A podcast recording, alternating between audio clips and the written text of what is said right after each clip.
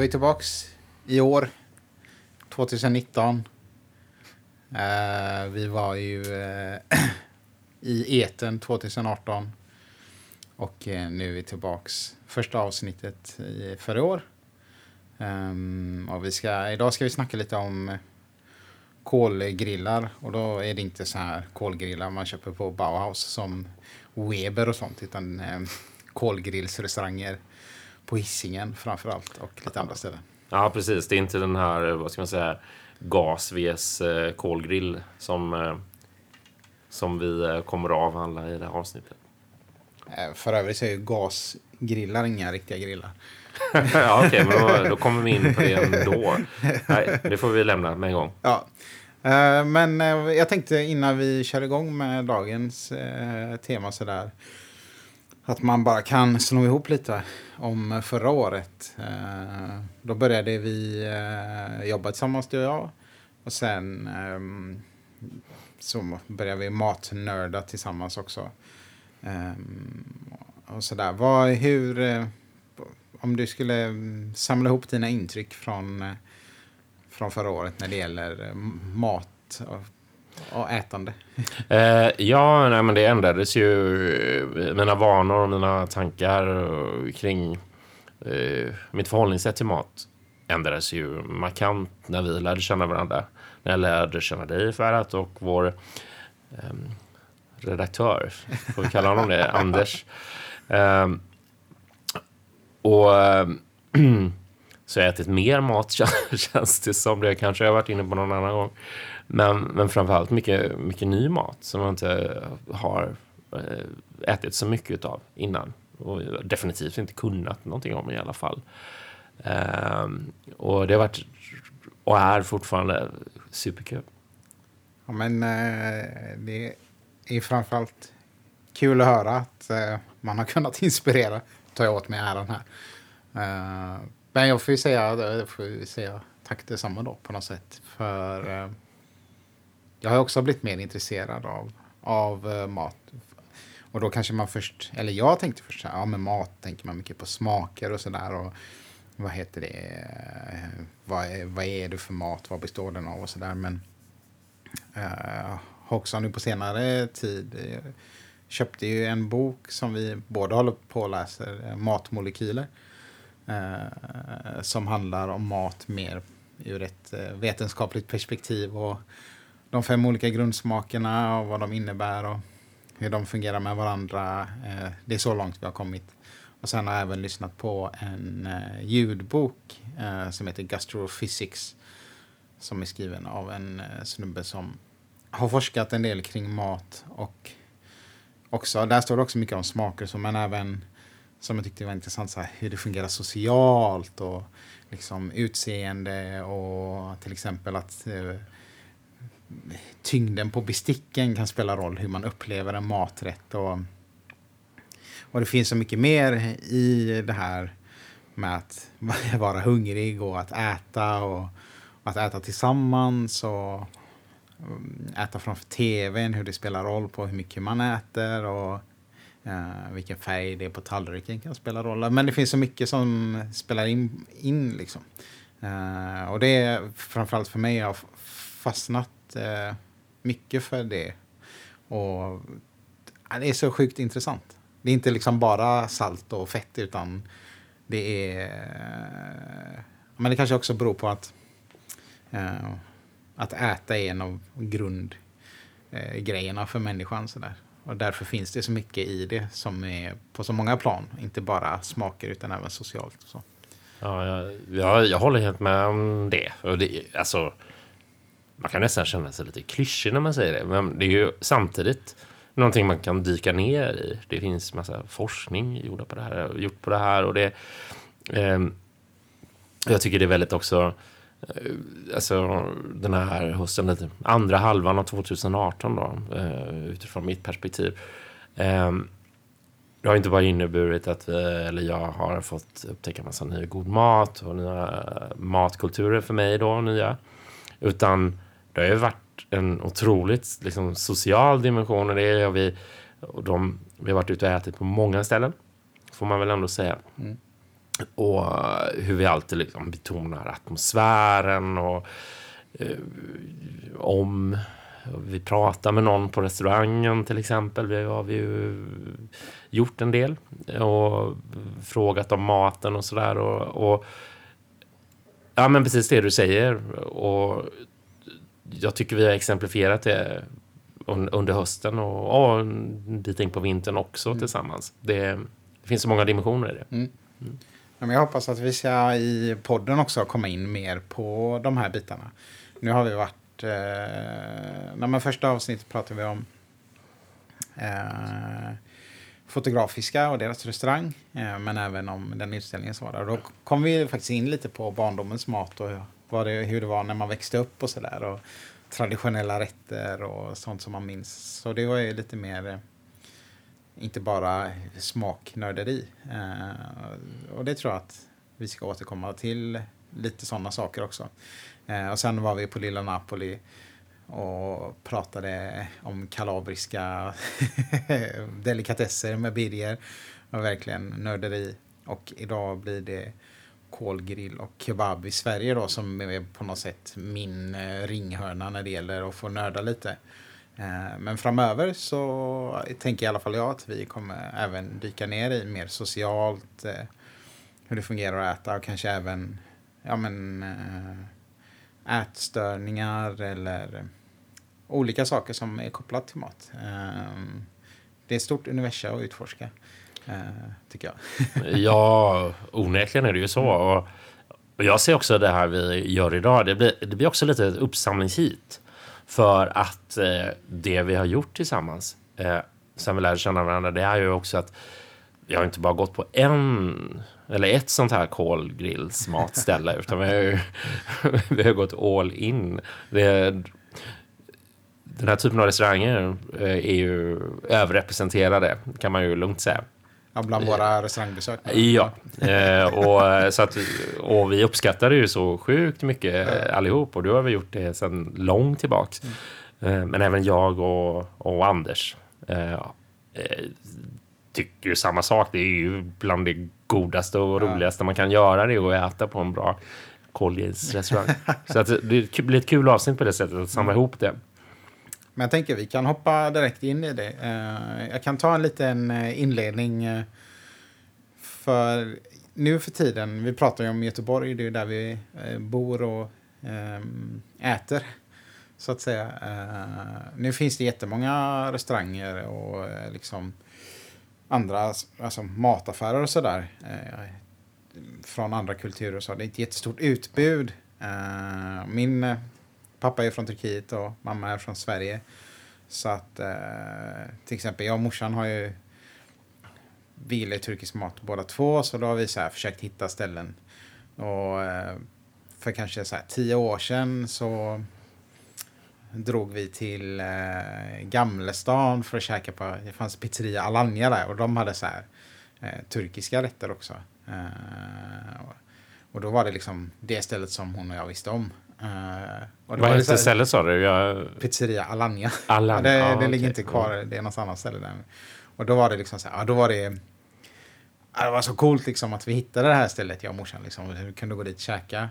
Uh, och om man jämför med idag så finns det, ja, det jag kommer ju namedroppa helt sjukt mycket idag, men det finns så sjukt många ställen. Uh, och det är, ja men det är eh, kulturberikning i ordets sanna bemärkelse, verkligen. Eh, eh, och, jag är, och jag vill gärna dela med mig av det här. jag är ju från Biskopsgården, pappa är från Turkiet. Jag är liksom på något sätt infödd i, i den här matkulturen på något sätt och ha ja, vänner som är kurder och araber och sådär som har visat mig lite andra restauranger och sånt. Så, um, det har inte varit eh, sådär eh, konstigt eller så, men jag kan tänka mig att du är lite, inte så eh, mycket turk. uh, och att det har varit lite ovanligare för dig, som du säger, att du själv har upptäckt ja. nu kolgrillar och sånt där eh, förra året liksom. Eh, och då eh, tänker jag att då finns det säkert fler som eh, vill veta mer. och om vi kan sprida ordet om, om kolgrillarna och även andra ställen som man kan besöka. För jag tänker att det är, nu maler jag på här, men... Mal på, Ja, herregud. Eh, en fröjd att höra. Jag tänker att det är liksom en... Man pratar mycket om integration och utanförskap och liknande termer som man slänger sig med idag. Eh, och jag tycker att eh, man kan integrera från båda hållen. Eh, att man kan åka ut till till exempel eh, förorterna eller Hisingen, Angered. Eh, gå och käka på restaurang, gå och handla i butiker där. Eh, dels för att det är så sjukt gott.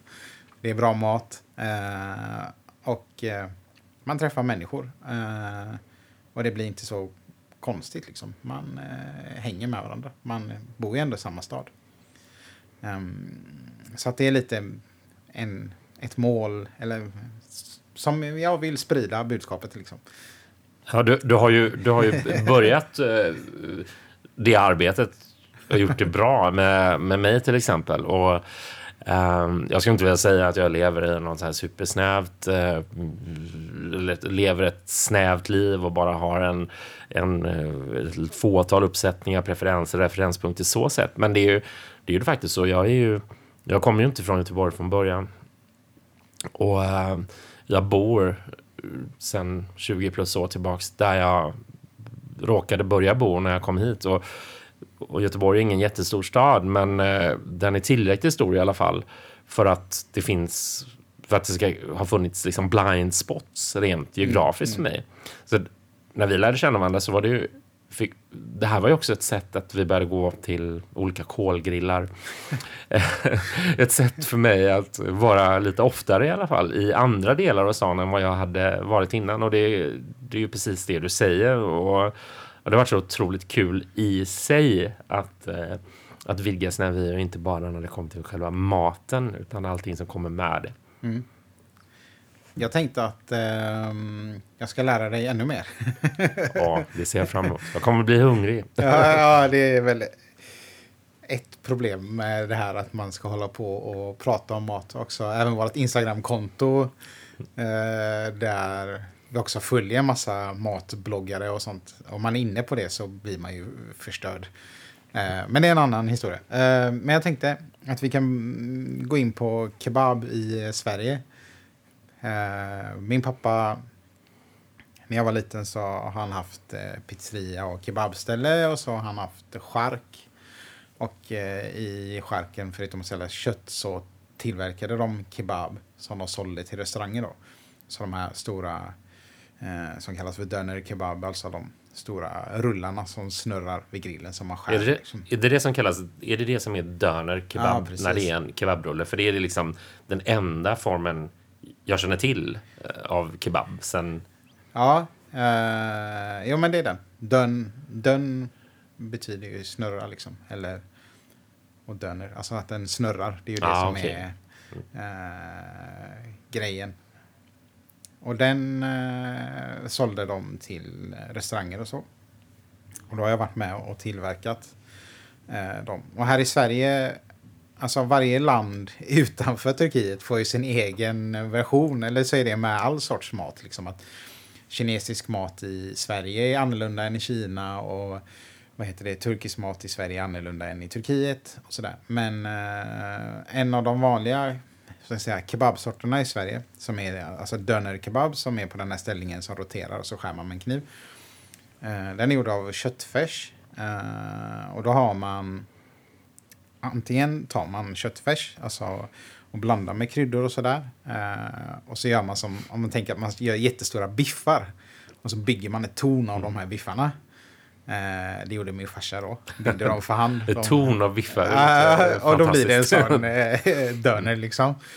Eh, eller så kan man ha som en korvstoppare. Då man tar den här färsen som man blandat. Det är nötfärs och kryddor. Nu var det så länge sedan jag jobbade med det här. Så att, eh, och på den tiden var jag inte någon matnörd. Så att jag tänkte inte så mycket på vad det var för kryddor och så just då. Men man blandar eh, nötfärs och kryddor. Eh, och sen har man som en korvstoppare och så fyller man formar då cylindriska avlånga formar. Och sen sätter man de här i frysen så den fryser hela den här köttfärs klump låter så äckligt, men det är det ju. Ja. Ja, Och sen lite, sätter man den på grillen och så roterar den så värms den upp lager för lager medan man skär den då. Eh, och min farsa sa så här, eh, han bara, ja men du får aldrig skära, om vi var på någon restaurang, så här, man får aldrig skära in liksom. Mm. Så kan den explodera. för att den är fortfarande fryst i mitten liksom. Ja, ja, ja. det, den exploderar inte men den spricker liksom upp sådär så faller isär. Men, men eh, får jag bara inflika Ja. en fråga där? För nu pratar vi om döner kebab, Ja, mm. och, som du har beskrivit så väl. Men är det här är det turkiskt? Ja, ett turkiskt fenomen, eh, alltså eh, kebab i den här formen? Ja, den är, det finns ju i andra länder, men liksom Turkiet är väl... Ah, jag är från, eller pappa är från Turkiet, så att jag kommer prata ur det i- i turkisk. Eh, och sen de flesta maträtterna som vi kommer prata om finns i den regionen. Sen kan det vara turkiskt, arabiskt eller kurdiskt. Liksom. Men döner är, det ordet är från Turkiet. Och döner är, skulle jag ändå väl vilja säga, är därifrån på något sätt. Um, men då finns det den varianten som är är här i Sverige då, som är köttfärs. Som han har satt i en form liksom. Eh, och sen skär man den i strimlor, eller vad man ska säga. Sen finns det också, som är i vanligare i Turkiet då, det är att man gör den av eh, också nöt och lamm kan det vara. Men då har man som filéer eller man skär tunna skivor så det är inte färs utan det är liksom skivor av kött. Och så har man ett spett eh, och så trär man dem på ett spett och bygger en döner av de här eh, skivade köttbitarna. Alltså vi som lager på Ja, lager precis, på något ja. sätt, så man bygger upp det på den. Ah, okej. mm. Eh, och de, det är inte lika vanligt i Sverige. Det, uh, Dönervarianten. Det blir lite... Jag kommer slänga med många ord här, men eh, om vi tar det sättet att göra kebab på. I Sverige har vi något som vi kallar för gyros också. Mm. Det känner man ju igen. Ja. Ja. Mm. Eh, och det är också en sån här som snurrar. Och det ser ut som, man skulle säga att det är en kebab. Liksom. Det är en snurra på en grill. Den ser typ likadan ut. Men den är ofta gjord av eh, fläsk. Eh, och gyros är från eh, Grekland. Och det är grekiska. Och gyro är också något som snurrar. Eh, som Mm, en det är det ju faktiskt, Eller ja, en gyro på i någon maskin. Ehm, så att det är samma sak. Eh, de är släkt med varandra. Turkiet och eh, Grekland är ju grannländer. Eh, Turkiet är muslimskt och Grekland är kristet. I Turkiet käkar man inte fläskkött. Så att man skulle kunna säga att det här är ju samma rätt egentligen. Man använder två olika råvaror bara. Oftast. Eh, och det har jag också jobbat med att göra gyros. Eh, och då har man... Lyllos dig. Vad sa du? Ja, lyllos dig. Ja, sommarjobb. Jag vet inte om det var så jävla gött. Men ja. Ehm, och när man gör dem då. eh, då tar man fläskkarré. Som är fryst. Och så skivar man den i skivor. Sen har man en plastback. Så lägger man skivor, ett lager eh, skivad fläskkarré. Tar man olja på och kryddor. Sen lägger man ett till lager med fläskkarré, olja, kryddor och så gör man så tills man har fyllt hela backen. Och så får det marinera då, det köttet. Och sen när du har gjort det ett tag, eh, då får man bygga den här. Så då har man ett spett som jag rättade förut. Så trär man på en skiva och så bygger man lager på lager. Eh, och det är gyros då, och det brukar vara fläskkarré. Eh, sen i Sverige blandar vi ihop det här, så det säger man så här, man går till en pizzeria och säger man jag vill ha en kebab. Då vet man, om man inte har koll så kan det vara antingen att det är gyros eh, som är fläskkarré eller så kan den vara gjord av nötfärs. Eh, man ser ju på själva kebaben vilken, om den är gjord av eh, skivat kött eller om, om den är gjord av färs. Sen får man ju fråga dem om det är fläskkarré eller om det är, är nöt. Och ibland har man tur kan det vara kalv någonstans. Eh, Ja, Har man tur då? Eller är det godare? Ja, men du det, antyder ju det. det är rätt eh, nice faktiskt. och lamm kan det vara i någon gång. Det är supergott. Um, men så där, då blandar vi ihop lite i Sverige. Eller blandar ihop. Vi har... eh, Det har kommit folk från Grekland som har haft med sig gyros. Det har kommit folk från Turkiet som har haft med sig det som vi kallar döner. Och eh, sen i Sverige så kallar vi allt för kebab. För i Sverige äter man ju både fläskkött och, och nötkött. Liksom. Det är ingen som det är inget som man tänker på så. Ehm, så det är lite olika. Ehm, det är därför begreppet kebab i Sverige blir ju annorlunda än om man åker någon annanstans. Jo, Ehm, såklart. Och jag, jag, jag får inflika flika med en fråga här bara. Eh, det är otroligt intressant att höra någon prata om det här som kan så mycket om det. Och, och, och någonting som är kul, det är att man redan innan jag fick lära mig mer om det här eh, genom dig så, så, så hade jag ju redan relation till kebab. Det tror jag de flesta eh, svenskar har. Eh, och Just för att man har ätit den där kebabrullen på pizzerian på hemvägen ifrån. Om man varit ute en kväll eller någonting. Ja, eller köpt en kebabpizza en fredagkväll. Ja, vad folk nu gör. Men en specifik fråga kring det här är ju att i och med att jag har ätit mycket kebab i den formen som jag just beskrev då. Eh, finns det, vad ska man säga, vad skulle du gissa eller att det är för typ av kebab jag har ätit när jag har gått in på den här du vet, åh, min kvarterspizzeria som är så bra. Det är Eh, nog eh, fläskkarré, tror jag. För att dels är ju fläskkarré billigare än nöt. Så därför antar jag att den är vanligare. Ja, Eh, makes sense. Och... Eh, ja, men jag upplever eh, som att den är vanligare när jag går... När jag själv käkar någonstans. Jag brukar fråga efter nöt. Om de har nötköttskebab, för jag tycker den är godare. Men jag tror att det är många i, i Sverige som tycker att fläskkarrén är godare. Det är så här... Ja, ni får smaka helt enkelt och eh, känna skillnaden. Jag kan... Eh, om man vill... Eh, äta den som är nötkött som är gjord eh, på färs så kan man gå till City Kebab här i Göteborg som ligger i Nordstan. Eh, eller utan, utanpå. Eh, och sen Nordstans Kebab. Eh, de båda har nötfärskebab. Är det du, det du själv föredrar? Ja, jag har, ja, precis. Jag har växt upp med det. Så att, eh, Mm, jag den gillar jag. Men ehm, den jag föredrar mest egentligen är väl den som är gjord som inte är gjord på färs utan gjord på skivat kött som man har staplat. Eh, och när det är nötkött eller lamm då. Ehm, och den varianten. Det finns ju den turkiska då som är döner som är gjort på det sättet med skivat kött. Och så finns det också arabiska som är shawarma. Vad heter det sa du? Shawarma, Shawarma. ja. Ja. fint ord. Mm. ja. Och den är... Det är ganska stor skillnad i smak på dem. Jag vet inte vad de brukar använda för kött när de gör shawarma, men det är, det är ju inte fläsk i alla fall. Eh, Men de har annorlunda kryddor. De har någon slags kardemumma eller kanel i.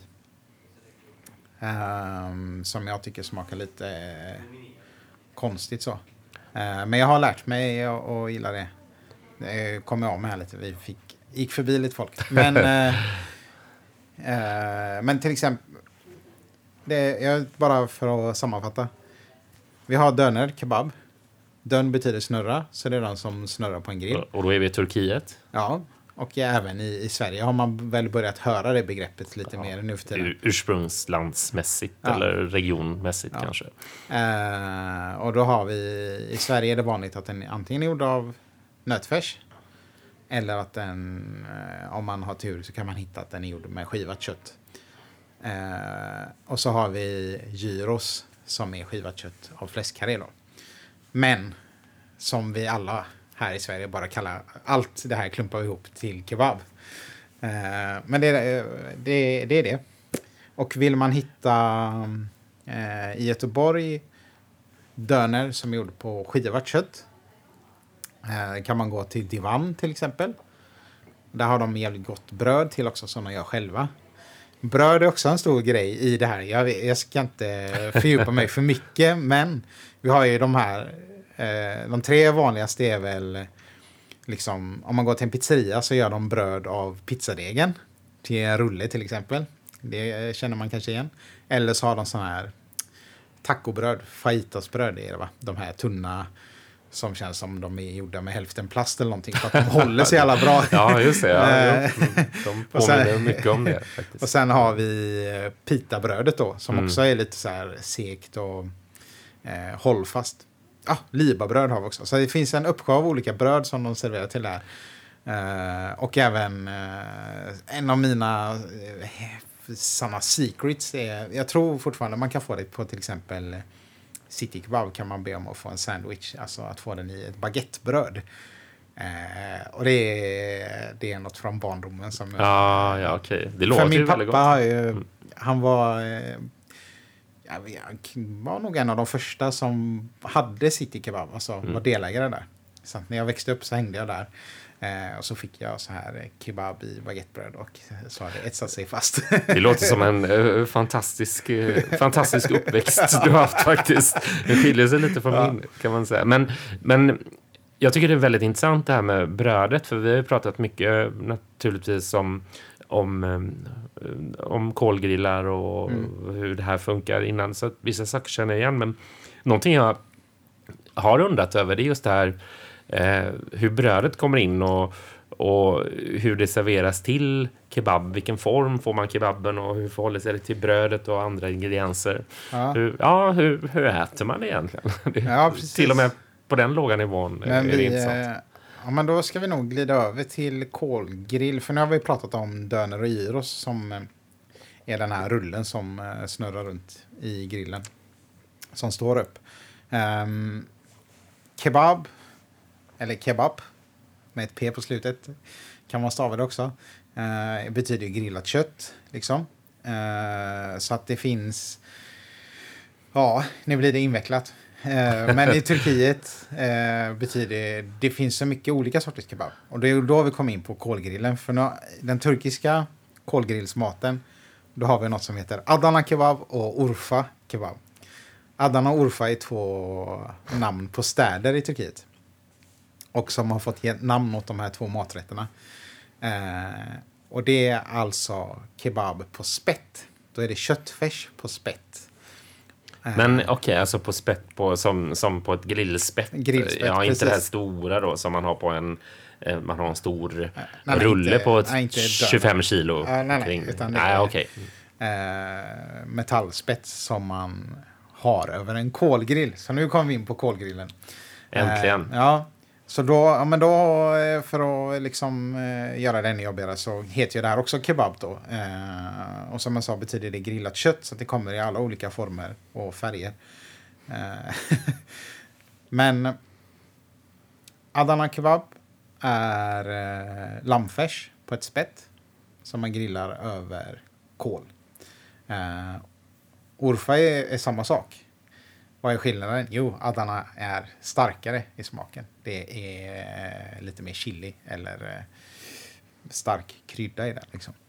Är den är, alltså hetare. kryddad hår, ja. hårdare? På ja, precis. Ah, den är okay. hetare. Mm. Så att eh, då har vi Adana Urfa som är de här eh, lammfärsspetten. Då. Sen kan vi ta lära oss ett till ord och det är shish. Shish kebab. Shish betyder ju spett. Uh, så att man kan säga att de här urfadarna ingår under den termen shish. och även på eh, spett så har vi också bitar av kött. Liksom. Det kan vara lamm eller ja, det kan vara nöt också och kyckling. Och då är det inte färs utan det är bitar som man har på spett och grillar över kolgrill. Um, ehm, så att eh, kebabdjungeln är stor och uh, det är lätt att gå vilse. Um, men vi har än så länge Döner Gyros, det är de som snurrar. Sen har vi eh, Adana Urfa som är en form av shish. Uh, och så finns det en massa andra uh, spett som shish, uh, spett liksom. Uh, det här är liksom turkiska namn då. Sen, ja. Ja, det är, det är otroligt. Jag har pratat om detta innan och jag känner att eh, det är mycket att hålla reda på. Alltså. Men, eh, men jag tror just det här med att kebab betyder att det är liksom ett övergripande eh, vad ska man säga, begrepp nästan för, ja. för grillat kött i olika former. Och det är, eh, jag bara kommer att tänka på det när du, när, du, när du pratar om det på det sättet. För att jag och vår redaktör Anders eh, var i Berlin och då gick vi till ett ställe som heter Adana Grillhouse. Jag vet inte om min frasering blev rätt där. Eh, som ligger i slutet av eh, Orangenstrasse när den går över till att bli Wienerstrasse. eh, Name dropping Ja, exakt. Men, eh, nej, men eh, jag, jag, jag tar upp faktiskt, försöker beskriva vad det ligger för att jag rekommenderar otroligt mycket. Vi hade en fantastisk upplevelse där. Eh, både mat, smakmässigt, men ett sånt otroligt härligt ställe. Eh, och det heter ju Adana Grillhouse mm. då. Och jag antar att det, för det visste ju inte riktigt jag när jag var där, eh, att det är ett turkiskt ställe då. Ja. Ja, men eh, ja, okay. låter det som jag. Jag har inte ja, varit där. Ja, nej, Adana är ju en stad i Turkiet. Så att, ja. Jag vet inte vad vi kommer med det egentligen, men eh, annat än att dels att det är en rekommendation att åka ner till Berlin, leta gärna upp Adana Grillhouse. Mm Eh, finns nog, de är nästan lite, de finns inte en kedja men de finns på ett par, tre ja. ställen. Men det, men det kan man ju nämna om eh, det här stället för du har ju visat mig bilder och så att mm. eh, det är som de här ställena som finns i Göteborg. Till exempel eh, Divan och Sarai. Jag kan namedroppa några till sen. Uh, och de har ju en, en, en, stor kolgrill som man ser. Och så har de en sånt här eh, Eh, tak till den här kolgrillen och de brukar vara så fina ornament på så brukar stå restaurangens namn. Eh, och det var en, en likadan som ni eh, såg där i på Adana eh, stället. Ja, det var det verkligen. Och, och, när vi kom dit på kvällen eh, så det var helt smockfullt med folk och det fanns två platser kvar liksom, som var lediga i hela lokalen. Och det var framför den här plexiglas eller glasväggen som var framför mellan oss, ja, mellan besökarna och grillen och vi fick sitta och titta in när de grillade. Eh, så det var precis så, ja. Fantastiskt. Det var som att sitta vid en omakase-bar, ja, fast ja. Eh, med, på kolgrillsmanér. Då. Jag tror just den eh, företeelsen är, om man pratar om trender och så, det känns som också någonting som kommer att bli populärare. Liksom, dels som du sa, med omakassebar, man sitter och ser hur kocken förbereder sushi. Liksom. Eh, man sitter vid den här kolgrillen och ser hur kocken lagar maten. Eh, alltså, vi går mer och mer från att inte laga så mycket mat hemma, men när vi går ut och äter så har vi fortfarande nöje i att se någon som lagar mat. Och, och samma på Instagram, man vill se någon som förbereder någonting. Alltså det är helt sjukt på Instagram liksom hur mycket det finns med folk som gör någon eh, grönsakspaj och de visar hur de hackar grönsaker. Ja, men, eller någon som gör en steker en biff. Det är ju lavinartat skulle jag säga. Ja, men, och det, det är ju en återkoppling till det du sa i början eh, av det här avsnittet. Att, eh, att hur mångdimensionell en, en, ett upp, hur många dimensioner finns i en restaurangupplevelse eller att gå ut och äta. Och här förtydligas det ännu mer just att, att man jag känner en sån otrolig glädje och inspiration när, jag ser, ser maten tillagas framför mig. Och har man tur så får man det även beskrivet för sig lite och, och man kanske vi gillar ju det och börjar prata med folk som ja, lagar maten ja. också, som jobbar på de här ställena. Och, Ja, så det, det är fantastiskt. Men du, eh, vi har ju, eh, jag tänker nu så här. Eh, det blir väldigt mycket här, men jag vill, det finns så mycket som jag vill gå igenom så att jag tänker att vi, vi fortsätter med det. Vi pratar om turkiska kolgrillar och olika sorters maträtter som finns där. Ehm, men nu är det att kolgrillen är ju inte bara turkisk, den finns i hela Mellanöstern och ja, i hela världen på något sätt. Um, vi har även varit på... Um, för det är det som är så jävla gött. I Göteborg finns det så många ställen nu. Uh, jag kan räkna snabbt. Jag har skrivit upp här. Turkiska kolgrillar i Göteborg. Då har vi Divan på Hisingen. Saray uh, ute i Gamla stan. Tigris i Frölunda. Lilla Istanbul på Hisingen. Mr Dörner på Hisingen och eh, Sultan Grill på Hisingen. Det är sex turkiska kolgrillar i Göteborg. det är ju fantastiskt. Va? Ja? Men, men är din... Eh, det du menar är att, att finns det fler här om man jämför med städer som Stockholm, Malmö till exempel? Vet du någonting mm. om liksom, tätheten om man säger så. No, jag vet, alltså, Stockholm finns det ju rätt mycket. Sen, jag har inte så bra koll, men jag har varit på några stycken. Jag vet, ja, men de har rätt bra ställen. Sen vet jag inte hur mycket, hur det är viktat mellan turkiska och andra ställen. Och Malmö, där ganska, finns ganska många arabiska ställen. Och de är jävligt, de är ju svinbra falafel i Malmö. Liksom. Det är ju, ja, det är inget nytt, men, eh, men Turk, eller Turkiet. Göteborg eh, börjar... Eh, ja, fan, de tar över nu. Turkarna. Ja, ja, men, eh, ja, men det är vi på frammarsch här. Um, men förutom turkiska ställen så finns det, har vi även varit och käkat lunch till exempel på kurdisk-irakiska ställen. Och där skiljer sig, de har, maten skiljer sig åt. Um, de har liknande rätter, det är också de här spetten liksom med färs. Och vi har käkat, uh, vi har ju varit där och käkat lammspett. Och det är också skillnad i hur de serveras. Uh, för på de turkiska restaurangerna här så brukar man ju få Ja men de har någon salladsbar så kan man ta lite bröd och sallad där och sen får man om man köper ett sån Adana kebab som är det här eh, lammfärsspettet så får man det och så får man lite ris och lite eh, så stekt potatis eh, eller friterad potatis och så får man lite sallad till. Och eh, ja men lite så på, på en tallrik. Medan på de här kurdisk-irakiska ställena Uh, ett som heter Tagaranis som ligger på hissingen och så finns det ett som heter Nergis som ligger i Gamla stan. Uh, för att ta upp två exempel. Där får man, uh, där har de också lammfärsspett.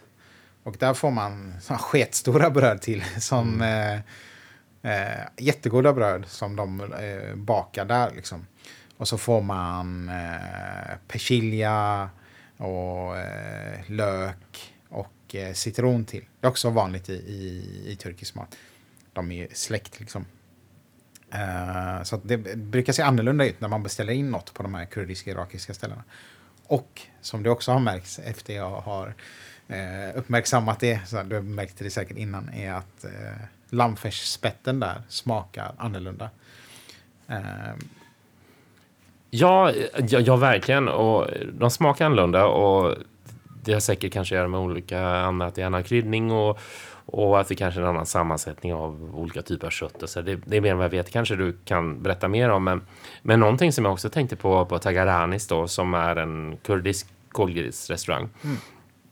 Att även, även konsistensen på de här lammfärsspetten är lite annorlunda. Det här kommer låta som att dåligt, men det, det, är absolut inte så jag menar. Men de är nästan lite, lite, lite smuligare på något ja, sätt. Gryn. Grynigare är ett bättre ord, ja. ja precis. Eh, men fantastiskt gott. Det är ett ställe som av alla de här ställena du räknade upp, jag har varit på några av dem. Ja. Och, eh, jättegott, fast ja, lite på ett annat sätt. Ja, men eh, de har vi, eh, det ljuger ju lite faktiskt, för du vet vet mer än du säger. Men eh, vi var ju där på Nergis och då pratade vi med han som antar att han kanske är ägare, eller han står ofta där i, i kassan. Och, på Tagaranis? Ja, på Tagaranis ja. ja eh, en skitskön snubbe. Och, eh, så jag tänkte ja, men jag måste fråga honom vad skillnaden är för att de smaken och texturen är annorlunda i, i de, deras variant av de här spetten. Och då berättar han ju att de har eh, vad heter det, mer fett och att de har lammbringa bland annat i, som de har malt. Uh, för jag sa också att ja, men jag brukar käka de här turkiska, så här, vad är det för skillnad och så. Han var jättetrevlig och, och berättade och, och var framme och frågade vad vi tyckte om maten och uh, ville gärna berätta mer och sådär. Mm, så det, det är kul. Det är väl någonting som jag har upptäckt, liksom sådär, att, att det är skillnad på de här spetten. Jag kan tänka mig att när man är, är ny inom det, så, att man kanske inte ser det med en gång, men för mig är det tydligt i, i Göteborg att man kan... Det finns de tre som jag skulle... Egentligen fyra eh, varianterna som är turkiska kökets eh, spett. Eh, och sen eh, har vi de eh, kurdiska, kurdisk-irakiska. Eh, och sen har vi den arabiska eh, palestinsk-libanesiska kusin Och sen har vi även persisk. Så att det, man kanske inte tänker på det när man går och käkar någonstans. Men de är, det är samma. De har de här färsspetten. Men de har olika ingredienser vad gäller vilken del av eh, djuret man har tagit då. Eh, och hur mycket de har viktat i fett och icke-fett eller vad man ska säga. Um, och jag har ju växt upp med de här turkiska men eh, den på Tagaranis är ju en av mina favoriter faktiskt. Den här kurdiska varianten. Det var den första kolgrills, kolgrillen jag Mm. eh, åt på faktiskt. Alltså efter vi lärde känna varandra. Det var nog till och med precis innan eh, Anders, vår redaktör, tog, tog, oss, Mm. tog oss dit. Eller tog, och, eh, så det var min, min första encounter så. Ja. Efter att ha fått beskrivit för mig li, lite vad det här är på Mm. något sätt och hur man kan se på det. Eh, och eh, jag är nog benägen att säga så fortfarande att, eh, och, och att hålla med dig helt enkelt. Att det är fantastiskt bra där. Att, Ja, det, det- nästan framstår som en favorit just när det kommer till lammfärsspetten i alla Ja. fall. Men det som jag gillar också med det stället, om man ska bara prata lite utanför själva kolgrillsgrejen, är att eh, nej, men där får man soppa till förrätt. En linssoppa. Svingod. Man kan åka dit bara för den nästan. Och sen har de maträtter så här. Turkisk hus, eller kurdisk husmanskost skulle man kunna säga så här. Långkokt lamm och eh, så här eh, ockra och eh, alltså Eh, det finns någon annan grönsak som man kan få också. Som, jag tror inte den har något svenskt namn. Nu kommer jag inte ihåg vad den heter på kurdiska. Men, och det är verkligen så här husmanskost. Och det känns som att det är nästan som man tänker att man har käkat hemma hos någon nästan. Eller det är så här. eh, Ja men det är jätte... Ja, det är görtrevligt. Nej, men det, jag kommer inte på något bättre Ja, sätt att säga det. Men, eh, och det är en annan spaning som jag har haft. att eh, Bara rent generellt sådär att man, om, Alltså folk kommer hit från andra länder. De eh, öppnar en restaurang och de serverar deras husmanskost. Det blir så jävla bra. Alltså oftast, det är liksom ganska enkelt, enkla råvaror. Men de här liksom, maträtterna har utvecklats hur länge som helst. Samma som våran husmanskost också är god. Nu blir det konstigt om man jämför med så här, turkisk mat, för man tänker det är mycket mer kryddstarkt. Men vi som har bott här och, och ätit svensk husmanskost kan verkligen uppskatta den. Och eh, den enkelheten som finns med att servera husmanskost från det landet där man kommer, alltså, yeah, I love it. Ja, nej, men jag, har- jag har tänkt jättemycket på det. Men det känns ju som att det är just husmanskost man sitter och äter då, fast det kanske är mer då i vissa fall turkisk eller Mm. kurdisk variant eller palestinsk och så vidare. Men jag tänkt på det, jag menar man serverar lunch ofta. Det är oftast vi har varit på de här ställena på, på lunchen och det är mycket folk och det måste gå undan. Eh, samtidigt måste det vara gott. Man vill att folk ska komma tillbaks igen. Det är säkert gamla recept om man kan uttrycka sig så. Eh, och allting är så inkalibrerat och, och effektivt. Inte bara utifrån perspektivet att det är så många eh, människor som möjligt som ska få mat på kortast tid, utan även att det måste ju vara gott. Ja. Och det känns väldigt enkelt. Alltså det känns som enkel mat när det kommer till ja, men hur många ingredienser i och, och så vidare. Det känns, det känns så rent på något sätt. ja, men det är det som Rena är... smaker. Ja, nu måste jag dra den här grejen. jag och eh, Paula, min fru, hon... Eh, eh, förut när hon jobbade på Sahlgrenska så skulle vi gå och käka lunch. Eh, och så var hon ny där så att hon visste inte så många ställen i närheten och hade ganska kort lunchrast. Så, men tänkte, ja men vi går hit. Det fanns några ställen, jag tror till och med att det hette lunch eller något. Eh, okej. eh, som ligger där vid Sahlgrenska. Och eh, så tog vi varsin rätt. Det ena var någon sån här panerad fisk kanske med mos. Och det andra var en pastarätt. Och det var som att komma in i ett bambakök. Och eh, det var bara folk från, eh, som jobbar på sjukhuset som var där. Och det var så här sletna stolar. Uh, man kan, kunde säkert ha tänkt att det var charmigt, men det var det inte den här gången. Och just den här pastarätten som vi tog smakade verkligen skit. Och det kändes som att de använt alla ingredienser de hade i köket. Alltså, uh, och så var det någon blaskig, äcklig sås. Uh, och som jag sa, liksom så många saker de hade i. Och det smakade skit liksom. Och så tänker man på så här, Italien. Man har någon bra pasta, så här, vitlök, olivolja kan nästan räcka för att det ska vara svingott.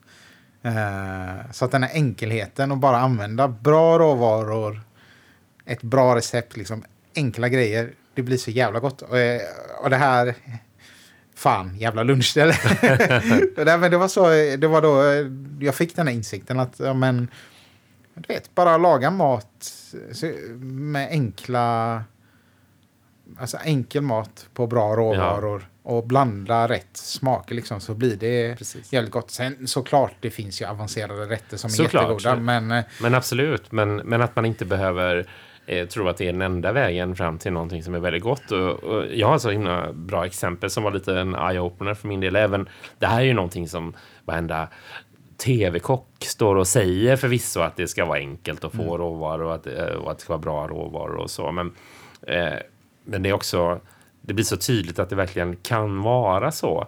Och en av de, som sagt, eller en av mina upplevelser som, som Eh, som verkligen, verkligen understryker det. Det var återigen, det var det i Berlin. Det kan ha varit på det Adana ja. Grillhouse. Uttalar jag det rätt nu? Adana. Adana ja. Eh, och jag och Anders sitter och vi har beställt in sjuka mängder mat. vi sitter där och väntar. Vi har gått två mil på dagen och, och, och, och, så, och så ser vi när de gör vår mat, korgen då.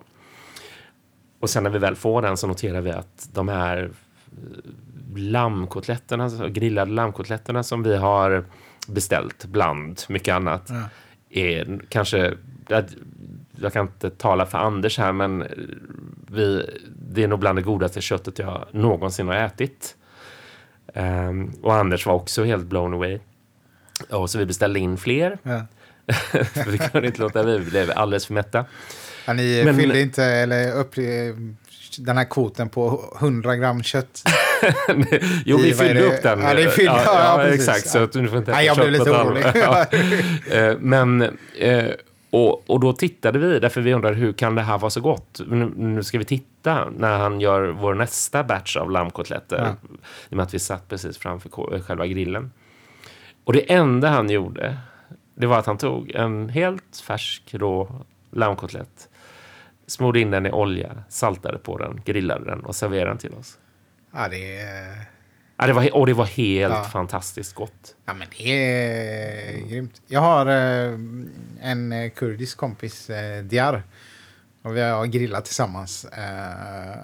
Och då har vi bara köpt lamm, någon bit. Och så har vi gjort, skurit den i bitar och satt på spett. Och grillat med salt och peppar. Och sen haft det i bröd.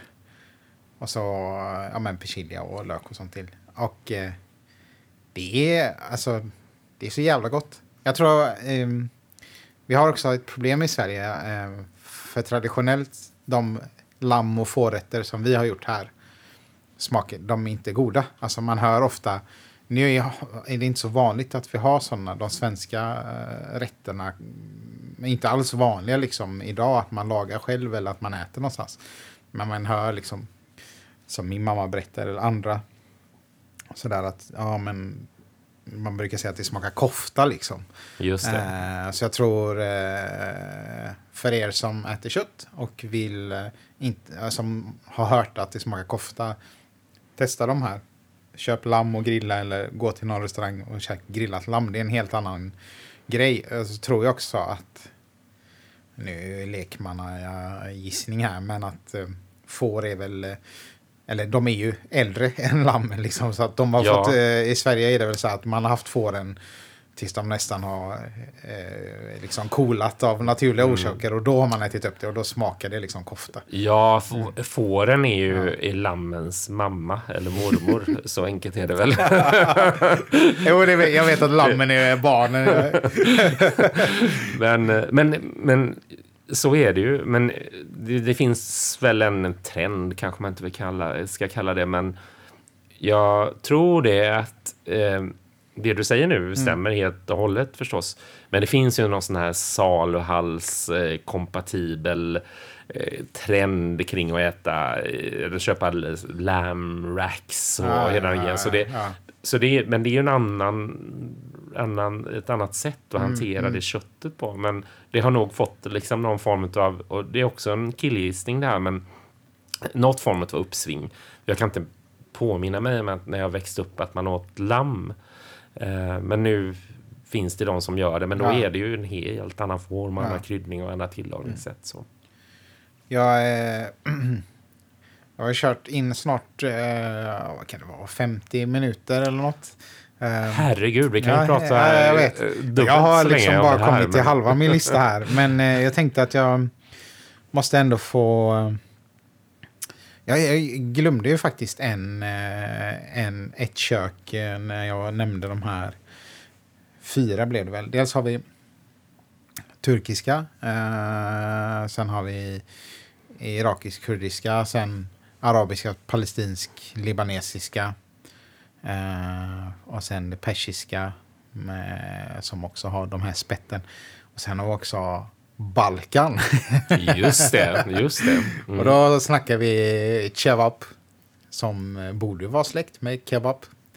Eh, och där finns också riktigt bra ställen i Göteborg. Jag kan bara nämna snabbt. Ehm, en av de bästa som eh, serverar sånt i bröd är han snubben på Kviberg. Han har som en liten vagn där. Eh, På Kviberg? Ja, på Kvibergs marknad. Ah, okej. Ehm, och grillar.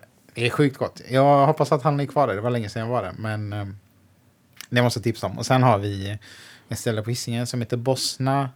Uh, Salko grill som ligger eh, nära Jenin grill som är var en liten sån där ja, restaurang som blev hipp. Och som nu har blivit mainstream. Uh, Jenin har ju öppnat två ställen till. Jenin 2 och Jenin 3. Det, är en, det är en kedja vid det här laget. Ja, precis. Ja. Mm. Ehm, och sen har vi en pizzeria Monaco som ligger eh, nära Svingen. Eh, de, de här ställena eh, serverar ju Balkan grill liksom. Eh, men det är nästan ett kapitel för sig. Men jag ville bara få med dem. Men okej, eh, för jag har ju lärt mig jättemycket eh, Mm. under tiden vi har suttit och pratat här.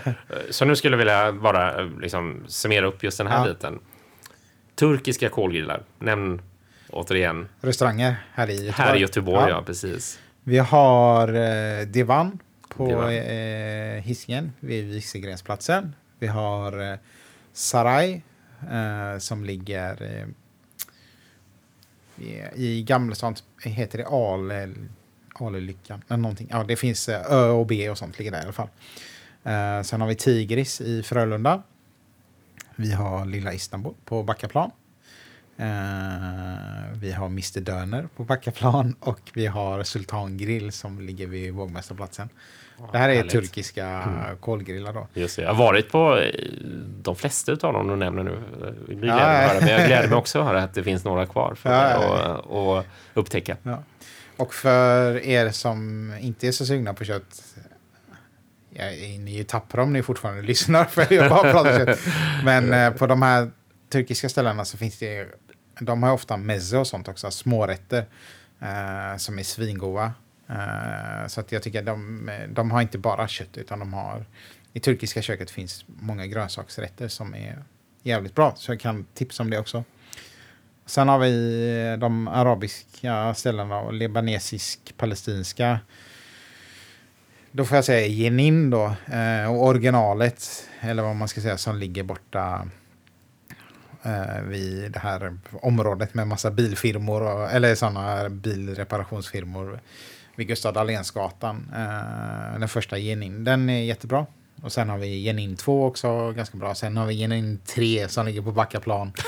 som är, jag har varit där på lunchen en gång, men det var... Ja, De heter inte Genin 3, va? De Det- heter bara Genin, men... eh, Nej, den heter? Genin 2 Ja, och Genin 3. så det är som en eh, bra actionrulle. Um, det finns flera. Grejen var faktiskt att jag inför det här avsnittet så googlade jag i morse Um, det var någonting jag letade efter. Men då hittade jag flera restauranger i, uh, runt Hammarkullen och Hjällbo där borta som jag har skrivit upp på vår lista som vi måste besöka.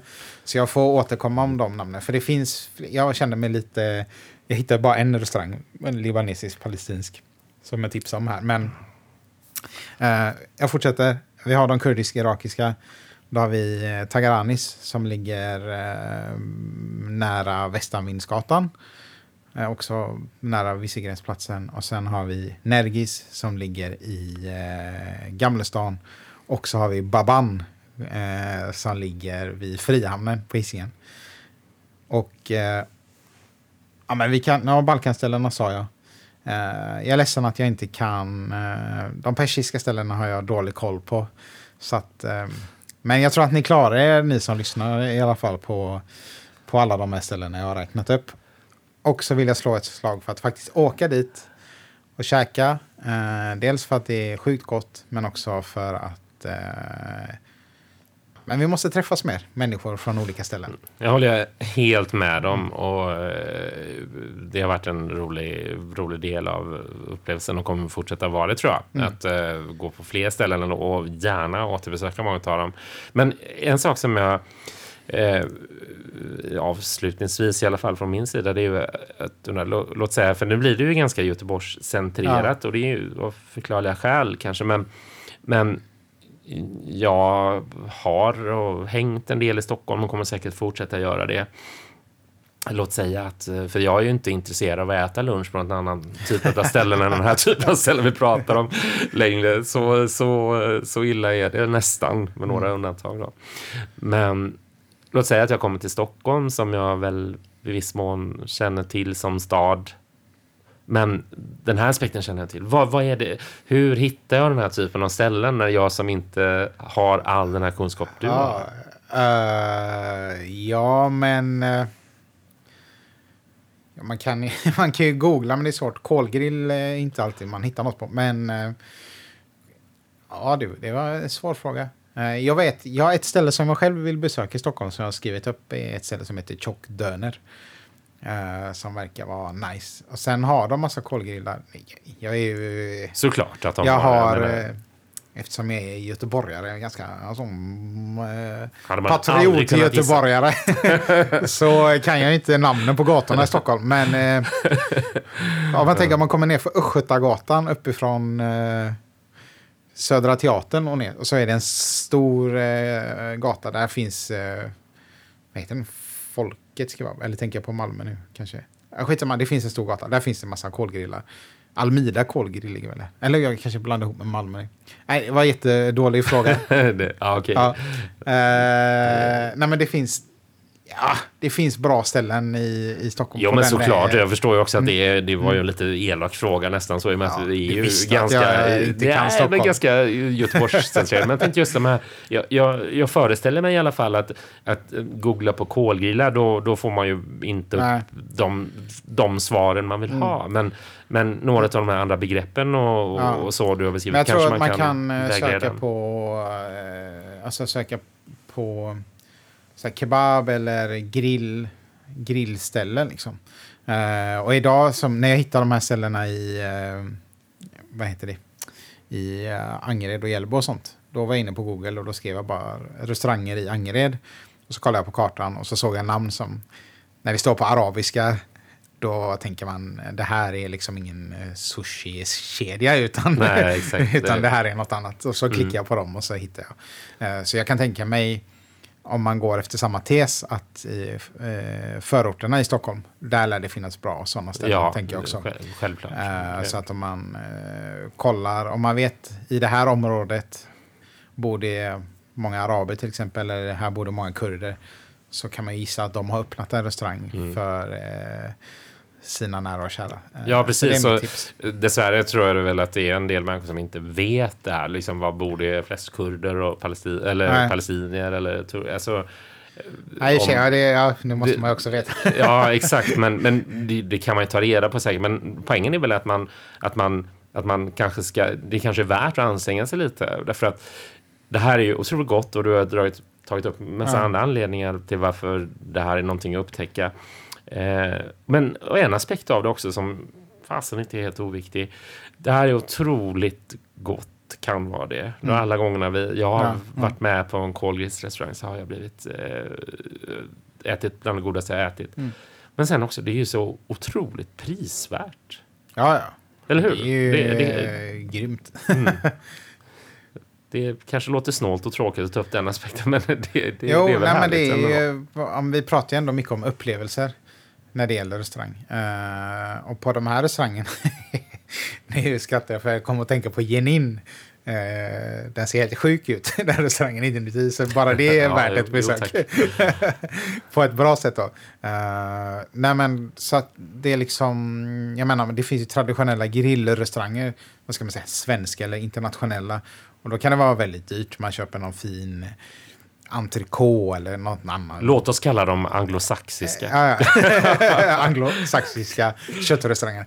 Eh, men här är det liksom, det är kanske inte det dyraste köttet, men de, det är ett kött som, det är bra och det smakar väldigt gott när man bara grillar det. Så att uh, ut och testa och liksom åk till de här ställena. Uh, för mig är det lätt. Jag är född i Biskopsgården så att uh, jag har det liksom jag har varit på massa sådana här ställen och känner mig inte så här jättefrämmande för det. Men uh, jag tycker det. Åk ut så blir vi kompisar allihopa. Och för mig är det också lätt, trots att jag inte kommer från Biskopsgården, för att jag känner Färat. Ja, och även om du inte hade känt mig så kan man uh, tycka man ska inte av, uh, bli avskräckt. Fan, Absolut åk ut, inte. käka mat. Alltså mat förenar oss. ha det bra. Ha det gött. Hej.